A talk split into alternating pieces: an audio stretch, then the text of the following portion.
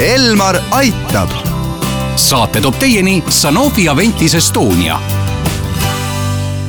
tere, Elmar aitab, tänases saates räägime osteoartroosist. stuudios on Annika Õunap ja minuga koos on siin üks Eesti enim tunnustatud ortopeed, doktor Mihkel Mardna, tere tulemast!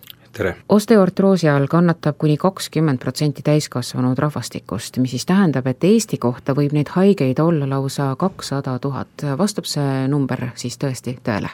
ma usun, see suurusjärk võib tõele vastata küll, et mis asi see osteoartroos siis on, meditsiiniinimeste jaoks on ta kui moondav liigespõletik, tavainimese jaoks on ta lihtsalt haigus, mis on seotud siis tugiaparaadi ja just selle liigese ühe või teise või siis ka vahetevahel mitme liigese kulumisega.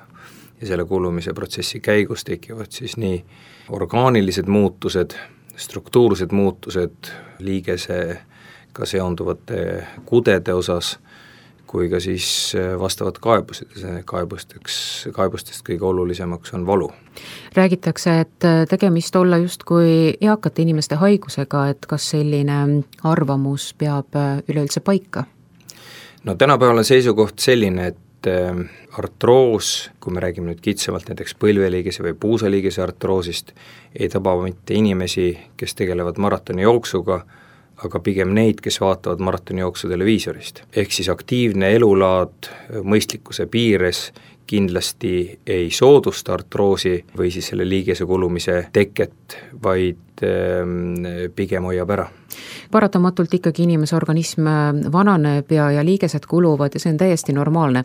millises vanusegrupis äh, hakkab see haigus kõige enam tunda andma? No kindlasti, kui me räägime sellisest primaarsest osteoartroosist või mondavast liigespõletikust, siis äh, inimesed äh, vanuses üle viiekümne eluaasta. kui ravitav see haigus on?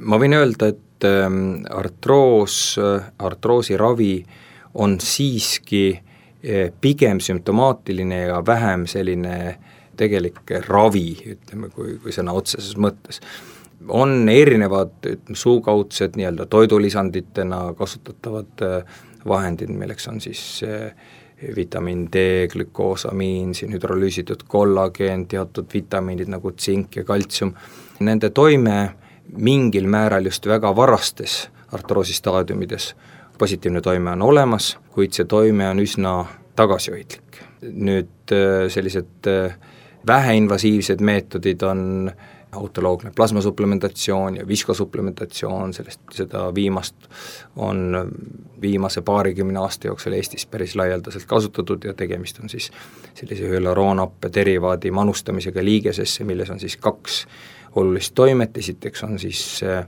lubrikandi efekt, ehk siis äh, ta tõstab liigese vedelikuga segunedes äh, liigesvedeliku viskoossust, paranevad määrade omadused. Ja teiseks hüaluronaan on kõhrraku seeneks väga oluline komponent ja kui me teame, et ähm, kõhr, liigeskõhr toitub umbes üheksakümne protsendi ulatuses liigesvedelikust saadavatest nii-öelda toitainetest ja see toitumine toimub osmoosi teel, ehk siis kui me kujutame endale ette, kui me pigistame käsna kokku, paneme ta vette ja laseme lahti, siis ta imeb enda sisse vett, umbes samal põhimõttel toimub ka kõhre poolt siis toitainete omastamine liigesvedelikust. ja siis see teine komponent ongi hüaluronaan, mida siis, mida siis äh, elus olevad ja terved kõhrrakud saavad omastada äh, sellest preparaadist ja, ja see parandab kindlasti olemasoleva kõhre äh, konsistentsi ja koormustaluvust. kui püsivad on tulemused pärast seda, kui on näiteks põlve süstitud, et kui sageli peavad nii-öelda osteoartroosi patsiendid käima oma murega taas ja taas arsti juures?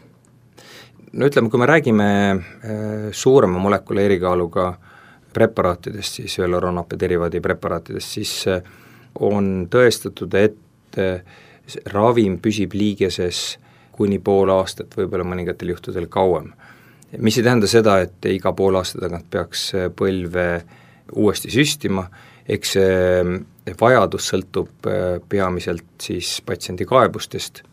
kui inimesel on juba osteoartroos äh, diagnoositud, siis äh, millised on need selle haiguse progresseerumise riskitegurid? kindlasti on teatud spordialad, mis näiteks põlve või puusaliigese artroosile või selle arengule positiivselt ei mõju noh, näiteks korvpall, erinevad pallimängud, jalgpall, tennis, squash, mis on üsna agressiivsed spordialad, et need eh, spordialad kindlasti eelistatud ei ole, mis ei tähenda muidugi seda, et nendega üldse tegeleda ei tohiks, kuid tuleks vaadata treeningmaht või see koormuse maht, spetsiifiline koormuse maht, mis ühe või teise spetsiifilise treeninguga tekitatakse. mis on äh, lõpetuseks teie sõnum neile inimestele, kes on justkui nagu lükanud edasi arstivisiiti, tunnevad küll valu, tunnevad põlvedes valu, tunnevad äh, kätes valu, mis siis juhtub näiteks, kui jätta sellised äh, märgid tähelepanuta?